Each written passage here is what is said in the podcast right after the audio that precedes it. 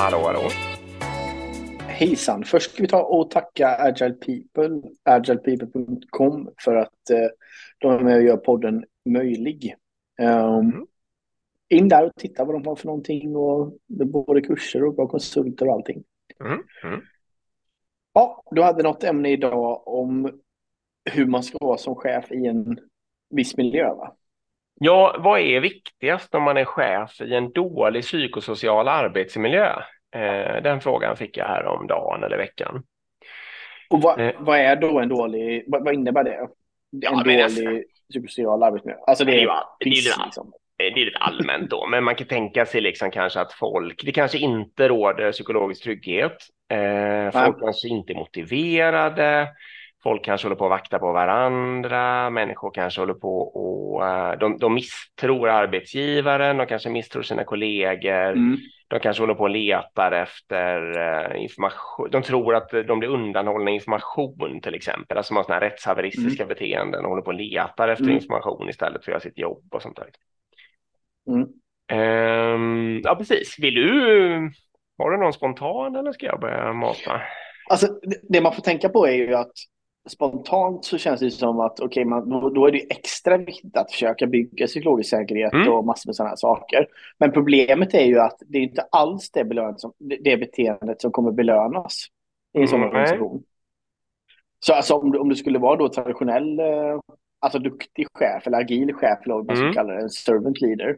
Då, då, skulle du antagligen bli av med jobbet kanske. För då, mm. inte all, det skulle gå emot kulturen liksom och du skulle uppfattas som jobbig och inkluderande och härlig liksom. Mm. Eller mm. Så jag, tror liksom spontana svaret skulle inte vara att bara ösa på ännu mer av av ditt bästa ledarskap så att säga nödvändigtvis. Uh, mm. Men jag tror så här, okay, mm. med, med, med det sagt då, vad jag tror, så mm. tror jag, för det, det pratar vi ofta om i agil transformation just att det handlar om liksom att försöka bygga något litet lokalt och sen mm. försöker man få det att funka mm. och så märker man att människor trivs och man kanske gör så mätningar på arbetsnöjdhet eller man ser resultat. Så jag skulle försöka bygga något lokalt, en lokal kultur helt enkelt. Mm. Um, på något sätt, men jag kanske skulle vara lite försiktig med hur jag flaggade det uppåt organisationen för jag vill mm. behålla mitt jobb.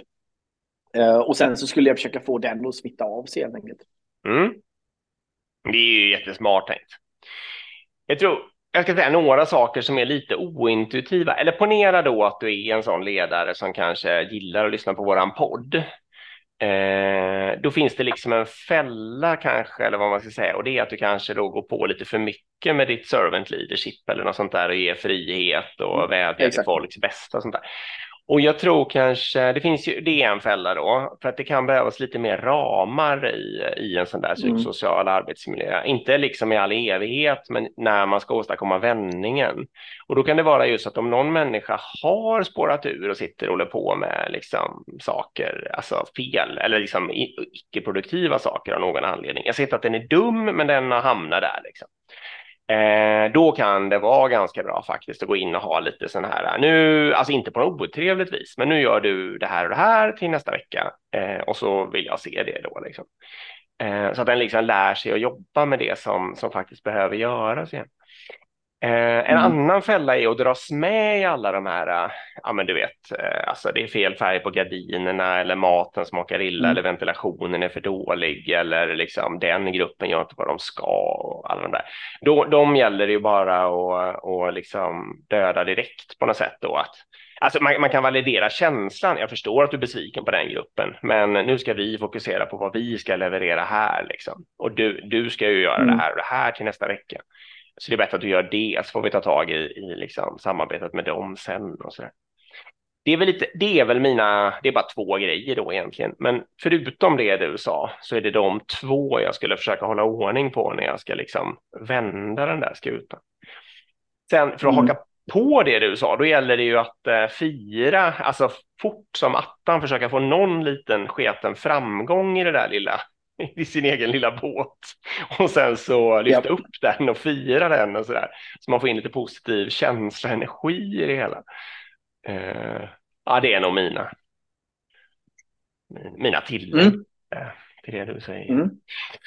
Mm, ja, och det var fem dessutom. Men vi kan Mm. bara summera med att säga att Ja, det är antagligen väldigt, väldigt svårt uh, att navigera en sån miljö. För Mm. Du kommer ju ha massor med externa faktorer och påtryckningar Mm. som gör att det kommer vara svårt liksom, att agera på ett bra sätt. Alltså, du kommer mest troligen inte vara uppskattad chef om du är bra i en dålig miljö. Nej, men du kommer ju vara det av dina egna medarbetare när de börjar få roligt Ja, igen. Så. Men inte av, inte Nej, av, inte av din chef och kontexten runt omkring. I värsta fall. Så. Mm.